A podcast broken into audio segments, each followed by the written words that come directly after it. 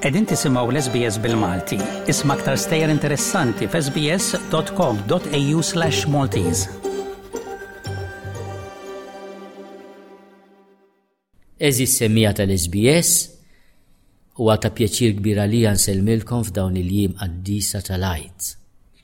Nieħu pjaċir ikolli l-opportunità nwassal mhux biss it-tislima tal-Għid lilkom ilkoll imma wkoll il-ferħ tal-Alleluja. Alleluja tfisser infaħru l-Mulej, ikun infaħħar il-Mulej. L-ewnet infaħruh tal-imħabba kbira li għandu għal kull wieħed waħda minna. Il-kejl tal-imħabba tiegħu hija s-salib ta' Ġesù. Ir-risposta għal dak li għamilnilu aħna fl-iben tiegħu hija l-qawmin ta' Ġesù mill-imwiet.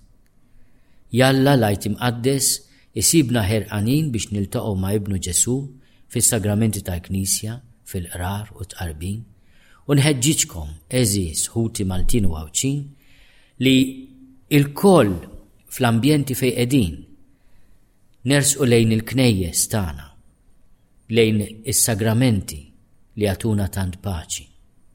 Jalla wkoll dan il-għajt isibna rikonċiljati f'sens kbir ta' paċi u maħfra ma' xulxin, u anke ma' nfusna.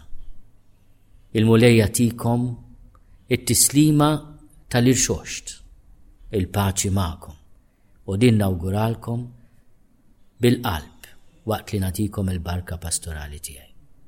Lajt it-tajjeb lil kulħadd. Segwi l-SBS bil-Malti fuq Facebook, għamel like, ixxerja, ikkummenta.